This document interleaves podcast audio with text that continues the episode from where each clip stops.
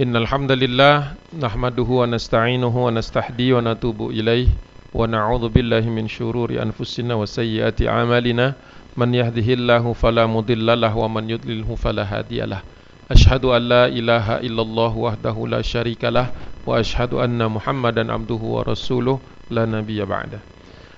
اللهم فصل على سيدنا محمد وعلى آله وصحبه وسلم أما بعد. Alhamdulillah segala puji milik Allah, salawat dan salam tak lupa kita panjatkan kepada junjungan kita Nabi besar Muhammad sallallahu alaihi wasallam. Ketika Nabi Muhammad sallallahu alaihi wasallam sudah berangkat menuju Mekah dalam rangka Fathu Mekah, hampir saja terjadi peristiwa sebelum keberangkatan yang sudah kita bahas. Kemudian ada juga peristiwa menjelang Fathu Mekah dan peristiwa di akhir menjelang akhir Fathu Mekah. Yang pertama anna Sa'adan hina wajjaha dakhilan. Ketika Sa'ad Sa'ad di sini adalah Sa'ad bin Ubadah dengan rombongannya dengan pasukan yang dipercayakan oleh Rasulullah hampir saja masuk ke dalam kota Mekah sempat terdengar dia berkata qal al-yaumu yaumul malhamah al-yaumu tustahalul hurmah Hari ini kata Sa'ad bin Ubadah kami akan melakukan atau hari pembalasan dan hari ini akan dihalalkan yang haram. Tentu saja banyak orang yang terperanjat karena Rasulullah tidak pernah memerintahkan terjadinya pembalasan-pembalasan di Fatu Mekah dan tidak ada anjuran Nabi sallallahu alaihi wasallam untuk menghalalkan yang haram tidak mungkin. Namun kenapa keluar dari mulut sahabat Nabi sallallahu alaihi wasallam yang mulia Bahkan salah seorang di kalangan Ansor yang terpuji seorang pejuang dari kalangan Ansor ternyata ada ada beberapa hal yang melandasinya. Ketika dia berkata seperti itu, dia bersyair ya. Ternyata fasami'aha rajulun minal muhajirin. Ada seorang di antara muhajirin kaum muslimin Sebenarnya kaum muhajirin tidak di rombongannya Sa'ad bin Ubadah karena Sa'ad memimpin rombongan Ansor waktu itu. Namun ada salah seorang yang memang ditugaskan Rasulullah untuk berpindah dari satu tempat ke tempat, yang lain wa huwa Umar bin Al-Khattab. Orang itu adalah tak lain dan tak bukan Umar bin Al-Khattab radhiyallahu anhu. Mendengar hal ini Umar langsung sensitivitasnya naik. Ini enggak mungkin nih diperbolehkan oleh Rasulullah perkataan seperti ini akan merusak kebersihan dan kemuliaan dari Fatu Mekah itu. Akhirnya Umar bin Al-Khattab tidak mengambil tindakan sendiri tetapi mendatangi Rasulullah sallallahu alaihi wasallam dan melaporkannya. Alhamdulillah dilaporkan dulu. Ya, tidak main potong kompas atau tidak mengambil tindakan sendiri. Ya. Faqala Umar bin Al-Khattab, "Ya Rasulullah, wahai Rasulullah, isma' ma qal Sa'du bin Ubadatan." Ya. Ya Rasulullah tolong dengar nih Ya, kalau dulu nggak ada rekaman ya tapi dia mengingat. Kalau zaman sekarang dia dengar nih video atau lihat videonya. Ya Rasulullah dengarlah perkataan Sa'ad bin Ubadah. Ma na'manu ayyakuna lahu fi Quraisyin saulatun kata Umar. Nah, Umar mengatakan tidak akan merasa aman orang-orang Quraisy kalau Sa'ad bin Ubadah masuk dengan semangat balas dendam atau dia diberikan kekuasaan untuk melakukan apa yang dia nyanyi-nyanyikan itu. Sebut-sebut itu. Ya. padahal kita tahu Umar bin Al-Khattab ini orang yang paling tegas. Orang yang dimusuhi oleh orang-orang Quraisy dan dia tegas kepada musuh-musuhnya. Namun pada saat ini Umar merasakan ini kan misinya Fatu Mekah ini adalah misi membebaskan kota dengan sesedikit mungkin kalau bisa nihil jatuhnya korban. Maka kata Umar bin Khattab, ya Rasulullah gimana nih? Ya, sepertinya ada perbedaan pandangan antara kita dengan Sa'ad bin Ubadah. Kasihan nih orang Quraisy. Bisa juga Umar kasihan kepada Quraisy padahal dia selalu tegas dan keras kepada Quraisy. Faqala Rasulullah sallallahu alaihi wasallam li Ali bin Abi Thalib. Ya, Rasulullah SAW memanggil Ali untuk menyelesaikan masalah ini karena bukan Umar yang cocok untuk meredam masalah ini. Dipanggil Ali bin Abi Thalib. Kata Nabi, "Adrikhu fakhudh ar-rayata minhu fakun antal ladzi tadkhulu biha." Kata Rasulullah. Wahai Ali, segera susul itu Sa'ad bin Ubadah dan ambil darinya bendera. Bendera apa yang diambil dari Sa'ad bin Ubadah? Rasulullah membenderakan membagikan ar-rayah. Ar-rayat banyak karena waktu itu Rasulullah membagi kelompok ini Waktu masuk ke Mekah itu dibagi beberapa beberapa pasukan. Ada Sa'ad bin Ubadah, ada Abu Ubaidah bin Al-Jarrah, ada rombongannya Az-Zubair bin Awam, ada rombongan Khalid bin Walid dari berbagai penjuru. Mekah itu didatangi dari enam penjuru. Rasulullah termasuk yang dari utara. Jadi ini salah satu sektor saja. Kata Nabi SAW, segera susul ambil benderanya. Maksud Rasulullah, ambil alih komando dari tangan Sa'ad bin Ubadah. Kenapa? Karena apa yang disampaikannya itu tidak benar.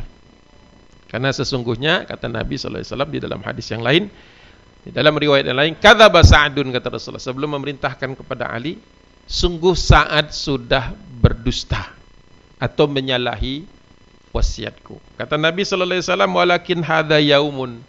Sesungguhnya hari ini adalah hari yu'adzimu fihil Ka'bah. Kita akan memuliakan pemilik kota pemilik Ka'bah yaitu Allah Subhanahu wa taala. Tidak ada satu pun perintah Nabi untuk melakukan pembalasan dendam. Walaupun mereka menang walaupun mereka berhasil menguasai kota Mekah. Alhamdulillah Ali bin Abi Thalib mendatangi Sa'ad bin Ubadah dengan satu kata saja ittaqillah. Langsung diberitahu bahwa engkau sudah melakukan satu pelanggaran besar sehingga dibebas tugaskan. Ada dua riwayat, ada yang mengatakan Ali yang mengambil bendera, fakun antal ladzi tadkhulu biha sesuai dengan prinsip atau perintah Nabi, kau ambil benderanya dan jadikan benderamu dan engkau masuk ke dalam kota Mekah memimpin pasukannya Sa'ad bin Ubadah. Tapi ada riwayat yang lain Ali memberikannya kepada Abdullah bin Sa'ad, yaitu anak Sa'ad bin Ubadah untuk tidak terlalu mempermalukan ayahnya. Ya, dua-duanya ada, dua-duanya dicatat, dua-duanya baik, tidak ada yang bertentangan dan Ali bin Abi Thalib adalah orang yang paling cocok untuk ditugaskan meredam masalah seperti ini. Tolong dibantu itu loh, jatuh apa namanya? Uh, sutrahnya itu. Tolong jangan sampai jatuh ke ke, ke bagian yang salat. Kalau bisa dikasih pemberat atau bagaimana supaya tidak rubuh. Teman-teman yang duduk di soft belakang itu tolong jaga ya terjaga teman-teman yang lagi salat yang masbuk ini. Yang lainnya boleh maju sedikit supaya tempatnya agak cukup buat teman-teman yang datangnya agak belakangan. Ya, dekat-dekat sini enggak apa-apa supaya anda lihat antum kalau ngantuk bisa anda tegur. Kalau di belakang anda enggak tahu antum tidur. Ya kan agak depan sedikit lah supaya quality controlnya bagus. ya, depan dikit. Enggak apa-apa kita lagi ngaji nih. Kalau antum ngantuk-ngantuk dikit enggak apa-apa, namanya juga orang habis kerja, ya kan? Tapi kalau pulas sampai ngorok, mbok ya jangan. Sampai kedengaran sini rak rok rak rok gitu ya. ya. Insyaallah. Bismillahirrahmanirrahim. Lanjut. Ada tiga pelajaran dari peristiwa ini, ikhwan fillah, ya, saudara-saudaraku. Yang pertama, Abu Bakar nggak ngambil tindakan sendiri itu bagus. Jarang-jarang biasanya Abu, ah, Abu Bakar apa Umar bin Khattab biasanya Umar langsung bertindak. Nah, kali itu Umar tahu kalau ini peristiwa Fatu Mekah perlu koordinasi. Dia juga khawatir mungkin kalau melakukan tindakan yang belum tentu disetujui Nabi. Satu. Terpuji sekali Umar saat itu. Coba kalau dia langsung ambil bendera itu, mungkin akan terjadi konflik. Akhirnya apa? Cacatlah Fatu Mekah yang tadinya perencanaannya sudah sempurna. Satu. Yang kedua, Rasulullah SAW memahami maksud Umar, tapi tidak menugaskan Umar. Yang ditugaskan Ali bin Abi Thalib yang paling bisa berbicara kepada kaum muhajirin maupun ansor. Ya. Dan Sa'ad bin Ubadah itu ya semisal Umar bin Khattabnya orang Ansor. Kalau Umar ketemu Umar enggak cocok. Ali ketemu Umar bagus. Ada yang bisa yang satu bisa meredam. Yang ketiga juga jangan sampai kita tidak memahami dan mengapresiasi Sa'ad bin Ubadah. Loh, kenapa Ustaz? Sa'ad bin Ubadah kan yang salah. Iya, tapi ketika ditegur dia enggak ngelawan. Coba antum.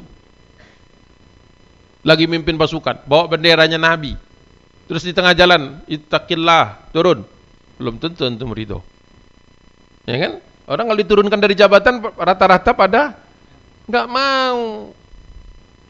Ini saat bin Ubadah terpuji dia. Ketika disuruh dia langsung ingin mungkin dia beristighfar saya tidak menemukan riwayat dia beristighfar. Tapi dugaan saya ini orang baik pastilah beristighfar. Namanya orang baik sahabat Nabi Ansor pula.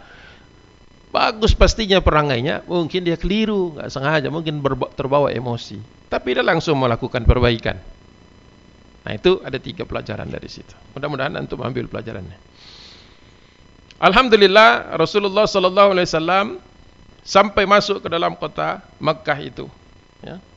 dengan kondisi yang aman. Wa Rasulullah sallallahu alaihi wasallam qad ahida ila umara'i minal muslimin ketika Rasulullah mau masuk kota Mekah itu Rasulullah itu mengingatkan kepada seluruh panglimanya dengan perkataan sebagai berikut. Hina amarahum ketika Rasulullah menceritakan ini, ya an yadkhulu Makkah. Mereka baru mau masuk kota Mekah wa an la yuqatilu illa man qatalahu. Kata Nabi, ya, jangan sampai ada orang yang dibunuh kecuali mereka memulai konflik. Mereka menyerang lebih dahulu. Jadi ini betul ini dalil yang mengatakan bahwa uh, Sa'ad bin Ubadah melanggar perintah Nabi sallallahu alaihi wasallam. Tapi ada pengecualiannya. Semua aturan itu ada pengecualiannya, exceptions to the rule. Ada seperti itu kan? Dalam hukum kita selalu mengenal ada pengecualian. Apa pengecualiannya? Kata Rasulullah, illa annahu qad ahida fi nafarin sammahum amara biqatlihim. Kecuali mereka-mereka yang sudah aku masukkan ke dalam satu daftar yang di mana mereka itu harus ditangkap dan dibunuh. Wah, Tegas Rasulullah, semuanya dikasih keamanan kecuali ini nama-nama ini nih. Saya kumpulkan namanya ada delapan orang yang tidak dimaafkan awalnya. Ya. Kata Rasulullah kecuali orang-orang ini. Kenapa? Wa in wujidu tahta astaril Ka'bah. Kalau kalian temukan walaupun dia itu bergelantungan, berminta ampun, memohon ampun di bawah kiswahnya Ka'bah itu tetap harus dibunuh kata Rasul. Sallallahu alaihi wasallam. Wah ini berarti istilahnya kesalahannya kesalahan fatal. Siapa mereka? Namanya banyak, tapi saya ambil satu saja ya, nanti PR. Abdullah bin Sa'ad, Abdullah bin Khattal dengan dua orang budaknya, Farnata sama sahibatuha. Ya. Kemudian Al-Harith bin Nafith, Muqais bin Hababah, ya. Sarah Maulah Banu Al-Ghaffar, kemudian Ikrimah bin Abi Jahal, Delapan orang saya sebut. Delapan orang masuk di daftar tersebut. Temu orang ini tangkap bunuh. Wah, kok bisa Rasulullah? Tadi katanya tidak boleh bunuh orang, tapi kenapa yang ini? Nah, tadi kata-kata saya, exception. Pasti pasti delapan orang ini punya kesalahan berat. Apa kesalahan berat mereka? Yang pertama, yang paling yang paling masyhur adalah kisahnya Abdullah bin Sa'ad bin Abi Sarh. Kalau yang tahu baca sejarah, ini orang nama orang ini keluar lagi nantinya di dalam babak sejarah kaum muslimin. Dah ya, jadi namanya akan muncul lagi. Berarti dia selamat. Tapi kisahnya sebelum selamat berikut ini. Wa inna ma amara Rasulullah sallallahu alaihi wasallam biqatlihi. Sungguh Rasulullah sudah memberikan perintah untuk membunuhnya. Li'annahu qad kana aslama, karena sebelumnya dia pernah muslim. Oh, berarti murtad. Gimana murtadnya? Wa kana yaktubu li Rasulillah sallallahu alaihi wasallam al-wahyu. Padahal dia itu sebenarnya sebelumnya pernah dikasih tugas oleh Rasulullah sebagai salah seorang pencatat wahyu. Nah, di orang elit ini, tidak semua sahabat dikasih tugas mencatat wahyu, hanya beberapa orang saja yang mencatat wahyu itu. Ya. Yang istilahnya lolos seleksi lah untuk punya kemampuan, keahlian dan ketelitian serta kewaroan untuk mencatat wahyu. Enggak sembarang orang. Nah, misalnya belum selesai fartadda musyrikan tapi dia murtad masuk musyrik lagi. Raji'an ila Quraisy mungkin dia malu atau dia enggak betah di kota Madinah dia kembali kepada Quraisy di kota Makkah. Ya pelajaran buat kita langsung sebelum lupa. Sahabat saja yang sudah bergaul dengan Rasulullah ketemu Rasulullah setiap hari menuliskan wahyu. Ketika wahyu itu turun masih hangat. Jibril baru selesai ngomong kepada Rasulullah ya, menyampaikan wahyu Allah. Kemudian kata Rasulullah catat Nah itu salah satunya Sa'ad Abdullah bin Sa'ad. Ya, tidak dijelaskan kenapa dia murtad, tetapi dia kembali ke kota ke kota ke kotanya orang Quraisy yaitu Makkah. Nah, ketika kota Makkah jatuh ke tangan kaum muslimin, dibebaskan menjadi kota yang tauhid, bertauhid lagi nanti kalau waktunya sempat saya ceritakan ya. Maka dia ketakutan ya. Ila Uthman bin Uthman bin Affan radhiyallahu anhu. Dia minta perlindungan kepada Utsman bin Affan. Kenapa Utsman bin Affan mau memberikan perlindungan kepada orang yang ada di dalam daftar tangkap dan bunuh Nabi sallallahu alaihi wasallam? Wa kana. Karena dia itu sebelumnya berdua itu adalah saudara sepersusuan. Dulu ada kebiasaan orang orang Arab anak itu disapih, di, disusukan kepada rudoah. Kalau sebagaimana Nabi disusukan, di, diberikan kepada uh, Bunda Halimah. Halimah dari suku Sa'di, Sa'ad, Sa'diyah makanya dikenal oleh kita. Ya. Jadi Utsman bin Affan iba kepada kasihan kepada saudaranya ini yang dicari-cari sama Rasulullah sallallahu alaihi wasallam. Ya. Faghayyabahu maka disembunyikannya di dalam rumah tentu saja hatta ata bihi Rasulullah sallallahu alaihi wasallam ba'da anitma'anna wa ahlu Makkah. Baru dibawa menemui Rasulullah setelah kota Makkah itu aman, artinya sudah berpindah tangan kepada kaum muslimin dan orang-orangnya mendapatkan banyak yang mendapatkan atau banyak di antara orang-orang Mekah itu yang masuk Islam. Ya. Fastamanalah. Kemudian Utsman bin Affan mendatangi Rasulullah minta minta ampun ya Rasulullah tolong ampunkan kepada saudara saya Abdullah bin Sa'ad itu. Sungguh dia sudah minta sembunyikan kepadaku dan dia ingin bertobat. Kemudian Rasulullah tentu saja teringat kepada surah An-Nasr surat yang turun sebelum Fatu Mekah. Apa? Idza jaa nasrullahi wal fath wa ra'aitan nasa yadkhuluna fi dinillahi afwaja fasabbih bihamdi rabbika wastaghfir banyak-banyaklah memuji Allah Subhanahu wa taala sesuai dengan keesaan Allah, ketinggian Allah, wastaghfir dan banyak-banyak beristighfar innahu kana tawwaba. Tawwaba karena Allah itu Maha menerima taubatnya orang-orang yang memohon ampun. Maka Rasulullah mengatakan kepadanya an anna Rasulullah sallallahu alaihi wasallam samata tawilan. Kemudian Rasulullah terdiam lama. Kenapa Rasulullah terdiam lama? Di satu sisi orang ini melakukan kesalahan yang tidak terampuni sebenarnya, yaitu murtad, musyrik, balik lagi. Tapi di sisi yang lain Utsman bin Affan ini adalah seorang yang sangat dihormati Rasulullah.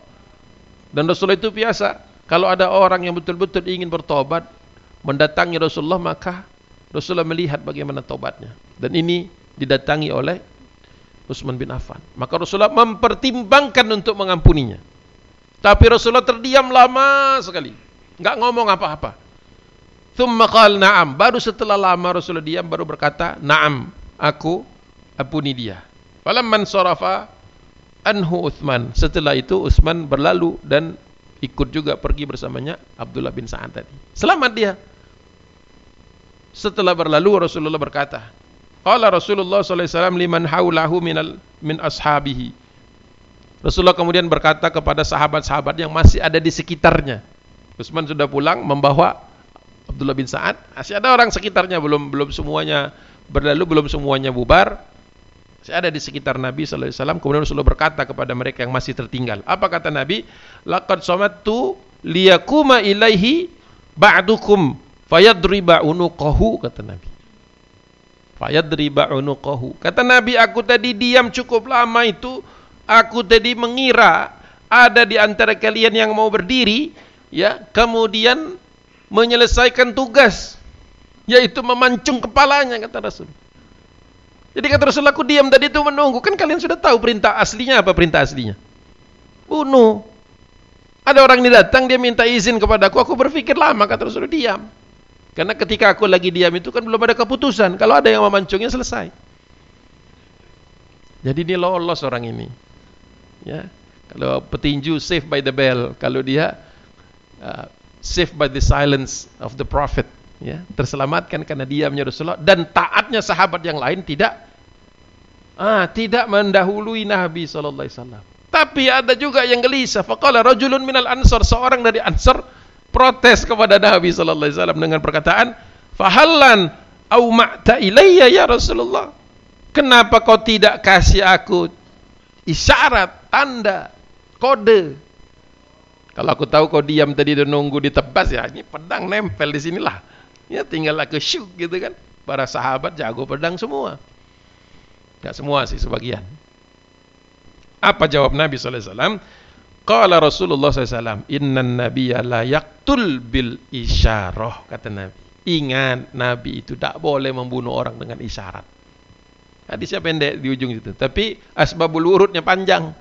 Kalau kita cuma baca innan nabiyya bil isyarah, kita tidak tahu maksudnya. Kenapa maksudnya Rasulullah ngomong sungguh nabi nggak boleh bunuh dengan isyarat? Kita nggak tahu kan? Gimana jelasinnya coba? Kalau cuma berkata hanya hanya melihat hadis yang pendek itu, harus melihat asbabul wurudnya. Sebagaimana Al-Qur'an ada asbabun nuzul. Sebab-sebab turun tidak semua ayat ada asbabun nuzulnya, tetapi ada ayat yang ada sebab dia turun. Ada hadis juga yang ada sebabnya. Kenapa Rasulullah ngomong begitu? Inilah orang ahli ahli Quran yang mempelajari Quran, mempelajari hadis itu sebenarnya adalah orang-orang yang yang terpuji, orang-orang yang menghafal Quran itu bukan hanya Quran yang dihafal, asbabun nuzulnya juga dia tahu. Sebagaimana hadis dihafal, di sebagaimana apa uh, apa istilahnya, sanadnya juga dihafal, tapi juga konteks dari uh, hadis tersebut turun. Alhamdulillah dia selamat, masya Allah. Kemudian ditambahkan oleh Ibnu Hisham karena uh, Sirah Nabawiyah Ibnu Hisham itu kan sebenarnya Ibnu Ishaq isinya. Tetapi kalau ada hal-hal yang dia uh, rasakan kurang maka dia tambahkan. Kalau qala Ibnu Ishaq itu berarti dari aslinya dan sanad ke belakangnya. Kalau dari Ibnu Ibnu Hisham dia tambahkan. Keterangan dari Ibnu Hisham, "Tsumma aslama ba'du." Fawallahu Umar bin Al-Khattab ba'da a'malihi. Kemudian setelah itu dia masuk Islam kembali dan dipercaya oleh Umar untuk diangkat sebagai pejabat untuk beberapa tugas-tugas. Thumma wallahu Uthman bin Affan. Wajar setelah Umar bin Khattab, Uthman bin Affan pun mempercayai dia. Nah, sekedar anda bacakan. Setelah itu, beliau ini adalah gubernur Mesir setelah uh, eranya Amr bin Ash. Kemudian beliau ini juga termasuk panglima yang memenangkan perang laut pertama kaum muslimin yaitu Dhatus Sawari. Ya. Beliau ini juga sebagai orang yang pernah bertempur di Tripoli di Libya termasuk yang membuka Mesir dibuka oleh oleh Amr bin As. Sebelah barat dari Mesir ada namanya Tripoli, wilayah Tripoli sekarang Libya. Itu dibuka oleh Abdullah bin Sa'ad. Ya, nah mudah-mudahan amal soleh setelah dia diampuni Rasulullah itu menyebabkan dia diampuni juga oleh Allah Subhanahu wa taala. Ya, jadi semua orang pasti punya masa lalu, punya masalah dan punya kesempatan untuk bertobat. Mudah-mudahan kita semua dapat tobat yang diterima oleh Allah Subhanahu wa taala. Baik. Ada Abdullah bin Khattal dan lain sebagainya nanti dibaca sendiri saja. 15 menit saya mau kejar kejar materi yang belum selesai ya karena Fatul Mekah ini cukup panjang ya, cukup panjang. Anna Ummahani binta Abi Talib qalat ada seorang anaknya Abu Talib, Ummu Hani, kakaknya Ja'far, kakaknya Ali bin Abi Talib. Namanya Ummu Hani. Aslinya namanya Ummu Hani itu nama aslinya Fakhitah. Fakhitah. Ya, Fakhitah. Dia berkata, qalat, "Lamma nazala Rasulullah bi'a'la Makkah." Ketika Rasulullah waktu sebelum masuk ke kota Makkah, masih di pegunungannya, masih di tebing-tebing di sekitar Makkah itu, kata Ummu Hani, ya bi a'la Makkah di tempat tingginya di kota Mekah. Farra ilayya rajulan. Datang kepadaku dua orang laki-laki. Ya rajulan. Min Bani Makhzum. Mereka datang itu dalam rangka minta tolong supaya Ummu Hani meminta maafkan kepada Rasulullah sallallahu alaihi wasallam. Ini orang-orang yang uh, sempat melarikan diri dari kota Mekah dan kemudian kembali dalam rangka untuk masuk Islam. Ya, masuk Islam. Ada orang-orang seperti ini, kisahnya sebagai berikut. Rumah tersebut didatangi oleh Ali bin Abi Thalib. Kemudian Ali mengatakan, kenapa ada dua orang ini intinya? Kemudian kata Ummu Hani, aku ingin minta izin dulu kepada Rasulullah SAW. Kemudian dia mendatangi. Thumma ji'tu Rasulullah SAW wa huwa bi'a'la makkata. Fawajadtuhu yagtasilu ketika aku temui Nabi wasallam baru saja selesai mandi atau baru mau mandi atau selesai mandi. Baru mau mandi. Ya. Baru mau mandi. Jadi Rasulullah sebelum masuk ke kota Makkah mandi dulu supaya bersih. Jangan bayangkan mandinya pakai shower, pakai air berkulah-kulah, enggak ya. Rasulullah mandi dari min jafnatin ya dari satu baskom yang biasa dipakai Rasulullah untuk mandi inna fiha ajin di dalam baskom itu ada bekas-bekas Rasulullah kalau jalan. Rasulullah itu masak, kalau makan itu masak sendiri. Ya. Rasulullah itu kalau mau makan masak sendiri, apalagi di perjalanan, kecuali ada istrinya yang ikut. Ya. Nah, itu kalau sedang tidak dipakai mandi untuk bikin roti. Apa itu yang uh, apa? Gandum ya diaduk untuk ngadonnya, ngadon roti. Tahu ya? Nah, itu kata Ummu Hani ketika dia datang untuk melapor kepada Rasulullah SAW bahwa ada dua orang laki-laki ingin minta ampun, minta dilindungi, dia mendatangi Rasulullah baru selesai mandi dari baskom yang di dalamnya masih ada sisa-sisa adonan roti. Sederhana sekali hidup Rasulullah. Ya, sudah cukup dia nggak bersih untuk dipakai mau mandi. Masya Allah. Ya. Inna fiha la ajin tadi ada sisa apa roti tadi. Wa Fatimah tu sedangkan Fatimah bintu Muhammad sallallahu alaihi wasallam ibnatuhu tastaruhu bi thawbihi. Tastaruhu bi thawbihi. Nutupin Rasulullah dengan apa jaketnya Rasulullah itu apa namanya jubahnya Rasulullah. Jadi Rasulullah itu mandinya ya tidak ada kamar mandi di situ. Jadi mandi cukup dengan baskom tadi. Kita pakai baju itu ditutupi sama uh, jubahnya yang besar itu dipegang jubah itu oleh Fatimah binti Muhammad sallallahu alaihi wasallam. Ini bukti kalau ada ummahat yang berangkat, ada kaum muslimah yang berangkat ke Fatu Mekah termasuk di antaranya Fatimah binti Muhammad ikut di dalam ekspedisi tersebut. Falamagtasala akhadha thawbahu fatawashshaha bi. Setelah selesai dia mandi, dia pakai bajunya lagi, thumma shalla thamani thamaniya raka'atin minat duha. Setelah itu Rasulullah enggak langsung menanggapi Ummu Hani, tetapi Rasulullah salat 8 rakaat dulu duha. Ini yang sering diambil sebagai dalil Rasulullah salat itu solat apa duhanya delapan rakaat thumman sarafa ilayya telah selesai barulah Rasulullah mendatangi mereka mendatangi Ummu Hani faqala marhaban wa ahlan ya Ummu Hani oh, bahasa Rasulullah kok anu sekali indah sekali. Laki-laki Rasulullah SAW itu contoh terbaik ketika menemui seseorang yang mulia memanggilnya dengan panggilan yang mulia. Kalau kita kadang-kadang oi gitu kan. Eh lo gitu kan. Rasulullah marhaban wa ahlan. Ya. Ya ummu hani ma ja'ak ma ja'abik apa yang kau apa yang membuat engkau datang? Siapa ummu hani ini? Kalau ada yang tahu sejarahnya ummu ini dulu teman mainnya Rasulullah waktu masih kecil seusiaan dengan Rasulullah teman main dan Rasulullah dulu pernah sebelum ketemu dengan Bunda Khadijah itu Rasulullah itu sudah pernah mendatangi Abu Talib untuk menikahi Ummu Hani tapi kata Abu Talib wahai Muhammad kau telat Telat katanya. Kenapa? Karena ada orang namanya Hubairah bin Wahab, ya, bin Abi Wahab sudah mendahuluimu. Jadi Rasulullah nggak jadi nikah di situ. Ya, masya Allah. Jadi ada memori zaman dulu. Setelah itu Allah Subhanahu Wa Taala datangkan uh, pertemukan dengan Bunda Khadijah bintu Khuwailid radhiyallahu anha dan memang pas ketemunya itu ya. Jadi kalau yang belum nikah Nah, itu memang Allah sudah sediakan. Ya, antum jadi jadi jadi orang yang baik, jadi orang yang soleh, insya Allah nanti Allah sudah sediakan. Ya, tidak usah patah hati, patah semangat dan sebagainya. Rasulullah pernah tidak jadi dengan Ummu Hani seperti itu. Dan nanti setelah masuk Islam juga, Ummu Hani kan masuk Islam. Anaknya banyak itu dari Hubairah. Hubairah meninggal dunia. Hubairah sempat masuk Islam juga dan meninggal dunia. Setelah itu Rasulullah datangi lagi Ummu Hani. Ummu Hani mau enggak kau jadi istriku di Madinah? Dibawa mau dibawa ke Madinah. Kata Ummu Hani, saya ini anaknya banyak ya Rasulullah. Sedangkan kau tugasnya banyak. Ya. Nanti anak-anakku merepotkanmu saja ya Rasulullah. Jadi sempat dua kali enggak jadi. Luar biasa. Perempuan yang lain kalau mau didatangi Rasulullah mau dijadikan istri Nabi. Ummu Hani tercatat ketika dia masih gadis ditolak karena keduluan dengan Hubairah setelah dia setelah dia punya keluarga, Rasulullah datang lagi.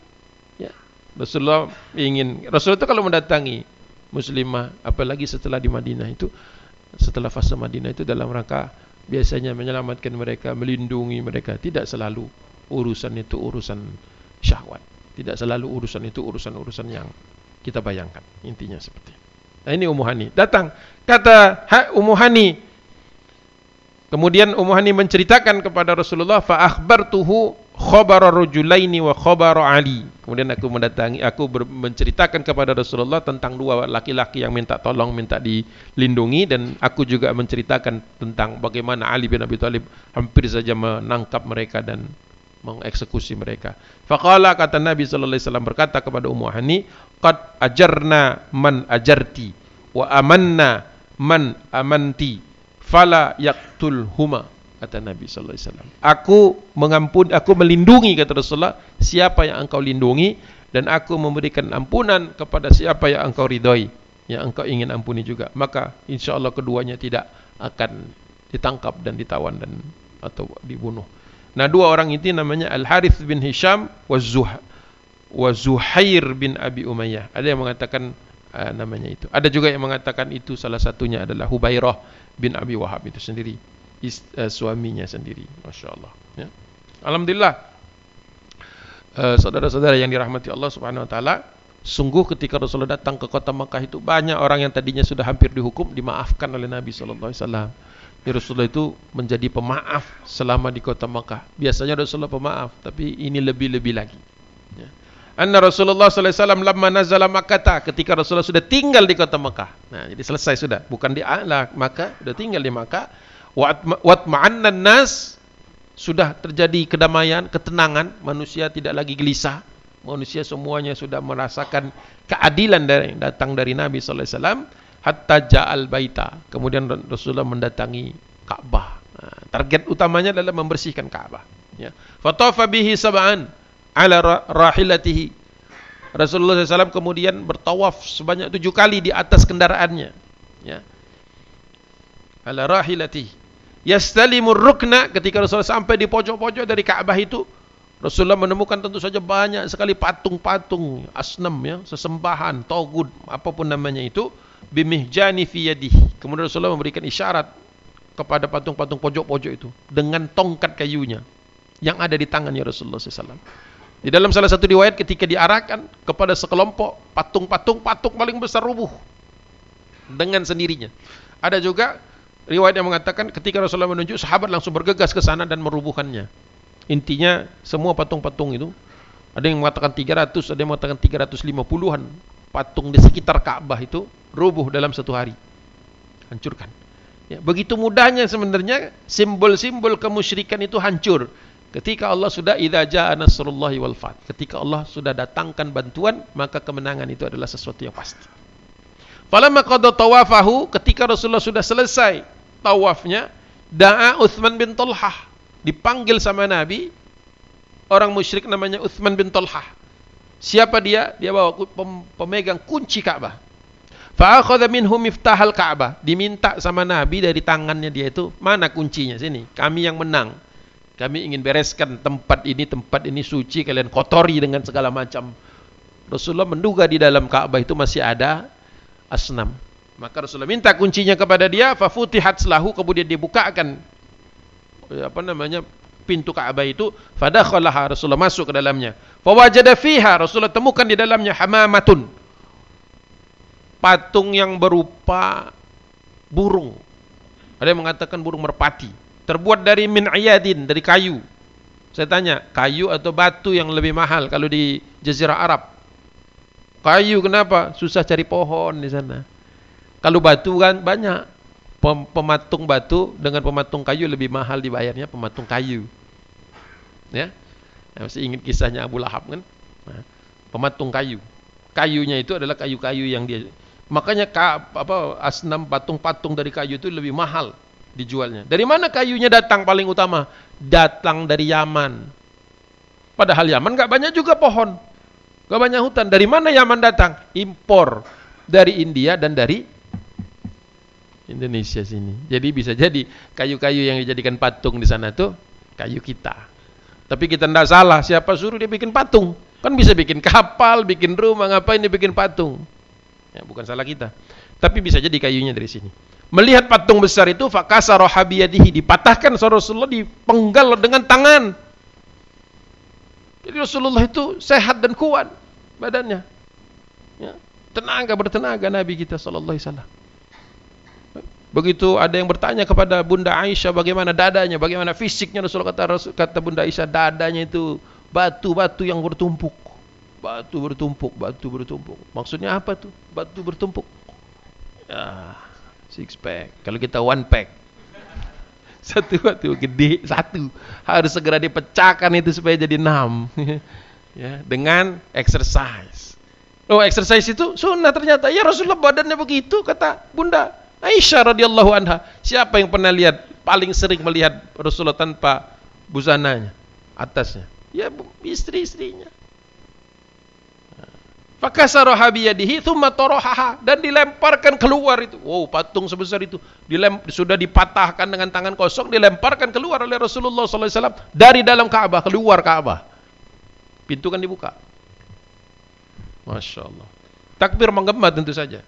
Thumma waqafa ala babil Ka'bah. Rasulullah berdiri di, di pintu Ka'bah itu. Kalau kita kan megang bawahnya gitu kan. Kalau kita lagi di multazam kan nempel begitu kan. Nah, itu tempat yang kita coba pegang itu di atasnya itu kan pintu Ka'bah. Kalau kita pas di bawahnya kita bisa melihat itu.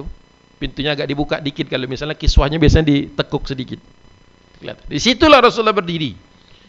Wa qad istakaffa nas fil masjid dikulrumuni oleh orang-orang, bukan hanya kaum muslimin tapi orang-orang musyrik Quraisy yang masih mau bertemu dengan Rasulullah mungkin bertanya ini dan itu. Karena ingat Rasulullah pernah membagi tiga zona aman di kota Mekah sebagaimana wasiat Rasulullah kepada Abu Sufyan yang baru masuk Islam. Kata Rasulullah SAW, Mendakhala daro Abi Sufyan fahuwa amin. Barang siapa yang ikut masuk ke dalam rumah Abu Sufyan, ikut masuk Islam, dia aman. Yang kedua kata Nabi wasallam, "Wa man kafa yadahu wa aghlaqa babahu fahuwa amin." Barang siapa yang menanggalkan persenjataannya, melepaskan apa yang ada di tangannya, masuk ke rumah masing-masing wa aghlaqa babahu dan mengunci pintunya, maka dia diberikan keamanan kata Nabi. Itu untuk orang-orang yang belum mau masuk Islam, enggak mau ikut Abu Sufyan, tapi belum punya keputusan akhirnya apa? Mau ikut masuk Islam atau mau tetap musyrik. La ikraha tidak ada tidak ada paksaan dalam agama. Boleh di rumah tapi jangan keluyuran apalagi bawa senjata, itu nyari masalah. Lepas senjata, masuk rumah, tutup, aman kata Rasulullah. Mau berapa lama terserah di dalam rumah itu. Fikirkan nanti mau masuk Islam atau tetap musyrik. Ada yang masuk musyrik, tetap musyrik, ada. Mereka biasanya mengundurkan dirinya ke Yaman, ada juga yang melarikan dirinya itu memisahkan dirinya ke Syam.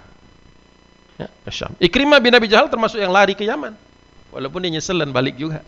Diampuni juga alhamdulillah.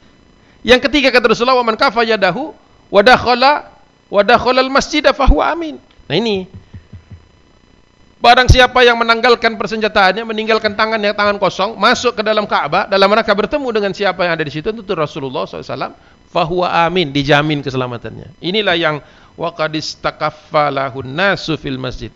An-nas, manusia. Kumpul semua mendengar apa Rasulullah mau ngomong apa nih di Ka'bah khutbah Nabi pertama di Ka'bah di Mekah setelah futuh setelah berhasil dibebaskan dikalahkan orang-orang musyrik itu. Apa kata Rasulullah SAW la ilaha illallah wahdahu la syarikalah. Tidak ada yang pantas disembah kecuali Allah saja. Tidak ada sekutu padanya. Yang kedua sadaqa wa'ada wa nasara abda kata Nabi sallallahu alaihi wasallam. Ya. Allah sudah memenuhi janjinya dan Allah sudah menolong hambanya pengulangan sebenarnya dari surah An-Nasr tadi. Idza jaa nasrullahi wal fat. Wa-nya di situ menunjukkan proses. Kalau Allah sudah bantu, maka pastilah kalian menang. Kalau belum menang, berarti belum layak dibantu. Kenapa? Belum banyak berzikir di jalan Allah Subhanahu wa taala. Perjuangannya masih ber, berupa perjuangan saja, belum menjadi perjuangan sebagaimana para sahabat bersih hatinya, tidak ada orientasi lain di samping mengagungkan Allah. Makanya Rasulullah dari Madinah menuju Mekah hanya beberapa kata saja yang diulang-ulang oleh Rasulullah. Waktu perjalanan Fatu Mekah dari Madinah ke Mekah, Subhanallah, walhamdulillah, wala ilaha illallah, Allahu Akbar, astagfirullah. Lima saja. Bersih hatinya waktu sampai ke situ. Dilihat oleh Allah, wajar dikasih pertolongan. Jadi kalau kaum muslimin belum dapat pertolongan Allah Subhanahu wa taala, lihat apakah lisannya itu sudah penuh dengan zikrullah. Apa kata Rasulullah setelah itu setelah sedekah wa'dah wa nasara 'abda wa hazamal ahzab wahdah kata Rasulullah. Sungguh berapapun banyaknya rombongan-rombongan itu wahazama, ihzima, ihzam, hazama, hancur lebur. Ya, diporak-porandakan. Allah sudah porak-porandakan al-ahzab. Golongan-golongan sekutu-sekutu yang ingin menghancurkan kaum muslimin wahdah sendirian. Jadi para sahabat mengerti ketika mereka ada di Mekah, Allah kasihkan kemenangan. Padahal Allah bisa menang sendiri. Buktinya apa? Kaum Sodom habis sama Allah saja, nggak perlu ada bantuan Nabi Lut. Berapa banyak kaum yang ditinggalkan nabinya dihancurkan Allah besok paginya atau malamnya.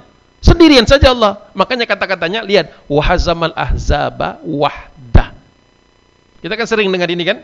La ilaha illallah wahdahu la syarikalah, sadaqa wa'dah wa nasara 'abdah wa hazamal ahzaba wahda. Tapi enggak ngerti konteksnya. Cuma ngomong aja kan banyak yang enggak ngerti konteksnya. Kapan pula itu secara sirah nabawi itu kapan itu dibacakan pertama kali oleh Nabi sallallahu alaihi wasallam? Banyak yang enggak tahu. Nah, hari ini dikasih tahu. Jangan lupa. Nah, sebentar lagi Idul Adha kan? Ini akan di berkali-kali kita sebut. Mbok ya dibayangkan. Rasulullah itu lagi berbicara di depan para kaum muslimin sekaligus orang yang baru masuk Islam dari kalangan musyrikin Makkah. Ya. Waktu habis. Sudah atau lanjut? Sudah. Baik. Saya tandain di sini berarti belum selesai itu total ya. Itu baru kalimat pertama ada satu, dua, tiga, empat, lima, enam kalimat nantinya. Tadi satu paket tuh. La ilaha illallah wa la syarikalah, sadaqa wa'dah, wa nasara abdah, wa hazamal ahzaba wahdah. Itu satu message. Ada lima message lagi di belakangnya. Itu nanti entah kita sambung atau bulan depan itu sebenarnya saya ingin memaparkan perjalanan uh, napak tilas Andalusia saya kemarin. Yang kenapa kemudian enggak bisa masuk ke sini, enggak bisa acara di sini apa Juni akhir ya. Juni akhir kemarin karena saya lagi perjalanan bawa rombongan perjalanan ke Maroko Spanyol. Nah itu saya kepengen share di sini, tapi bahan ini belum selesai, bingung jadinya, mana dulu, gitu ya. Uh, bulan depan kita switch lagi ke perjalanan Andalus uh, 12 hari kurang lebih seperti apa pelajarannya apa yang menyebabkan kaum muslimin uh, kalah di sana dan hilangnya peradaban Andalusia. Nah, itu nanti mudah-mudahan foto-foto saya susun. Banyak ribuan fotonya bingung saya. Ambil dulu kira-kira 100 itu tampilkan di sini ya atau kurang dari itu setelah itu baru kita lanjut ke apa uh, Fatu Mekah lagi masih panjang ceritanya mudah-mudahan September selesai ya Mudah-mudahan Allah berikan kita usia yang panjang lagi berkah. Mudah-mudahan kita semua mendapatkan husnul khatimah insyaallah. Baik billahi taufik wal hidayah. Assalamualaikum warahmatullahi taala wabarakatuh. Alhamdulillah. Jazakallahu khairan kasihan kepada Ustaz. Karena waktu telah menunjukkan pukul 13.00, kita cukupkan kajian hari ini. Kita tutup dengan doa kafaratul majelis. Subhanallah wa bihamdika asyhadu an la ilaha illa astaghfiruka wa atubu ilaik. Assalamualaikum warahmatullahi wabarakatuh. Waalaikumsalam warahmatullahi wabarakatuh.